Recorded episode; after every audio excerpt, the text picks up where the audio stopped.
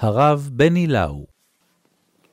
פרק כ"ח כל כך ארוך, מספר לנו למעלה מ-40 פסוקים את התיאור של בגדי הכהונה, הבגדים שילוו את הכהנים.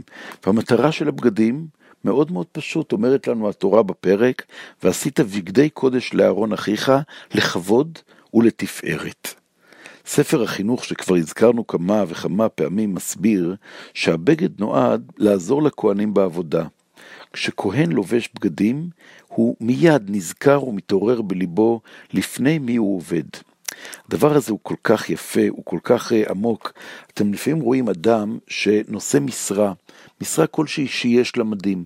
זה יכול להיות שוטר בעבודתו, זה יכול להיות uh, איזה גלימה של איש דת, זה יכול להיות איש uh, רם מעלה עם בגדים שונים ומשונים. ואתה מסתכל ואתה אומר, אני בעצם מכיר אותו. כשהוא נטול בגדים, הוא נראה לי איקס.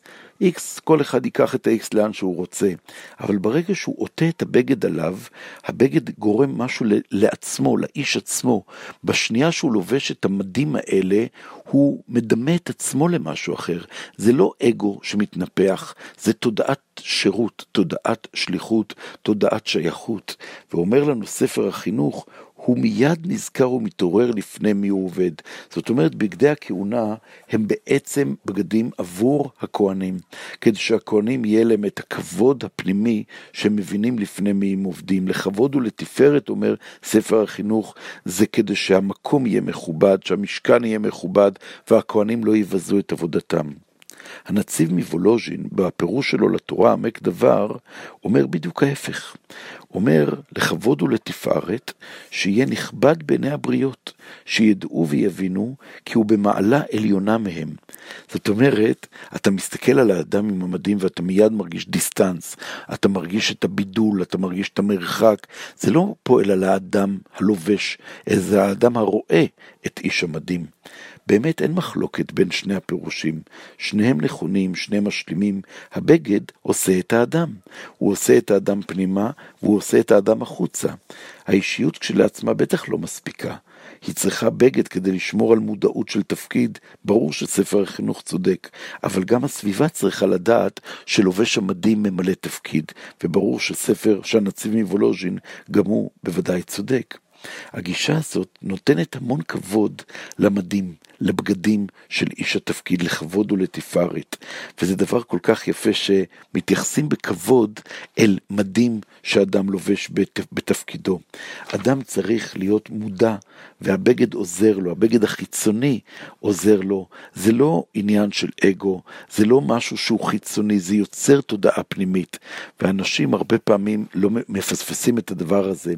היו, היו תקופות, בוודאי בחברה הציונית, בוודאי בחברה הקיבוצית, שפשטו את המדים, זרקו את המדים, אמרו זה לא מעניין אף אחד, אנחנו נטולי מדים, אנחנו רוצים לראות את האדם כמות שהוא, אנחנו לא רוצים uh, להתחפש במדים. כל אדם יעשה את מה שהוא יודע לעשות בלי דיסטנס.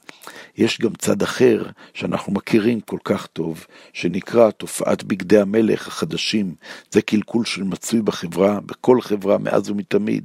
אנשים שהם באמת כלי ריק, והם עוטים על עצמם מדים בזכות קשרים לשלטון, בזכות מניפולציות, לפעמים בזכות ממון, והאנשים האלה באמת עטופים בכלום, עטופים בבגדי מלך חדשים. וזה מביך כל כך. לנו פרקים בישעיהו הנביא, בתחילת הספר, שהוא ממש מתאר קרקס של אה, גרדרובה שלמה, של בגדי מלכות, שמכסים כלום, מכסים ערווה.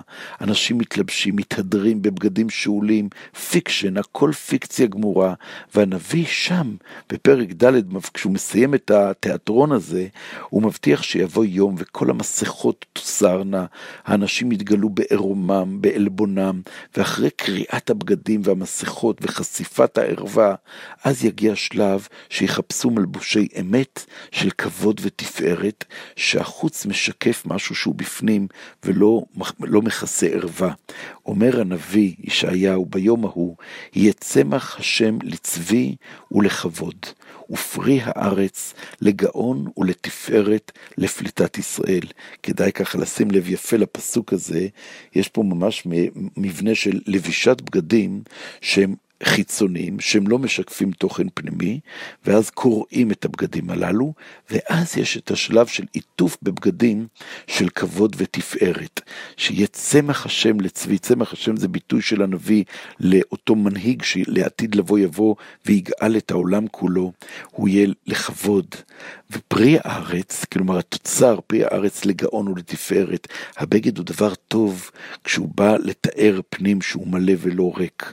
אנחנו מכירים את זה כל ההיסטוריה, תחשבו על בגדי התיאטרון של מגילת אסתר, תחשבו על כל מיני בגדים שנקראים במקומות שונים ומשונים בתולדות ה... העם שלנו, ואנחנו יודעים שבגד הוא לא דבר רע, בגד הוא לא דבר רק חיצוני, אבל הוא מוכרח להיות במתאם.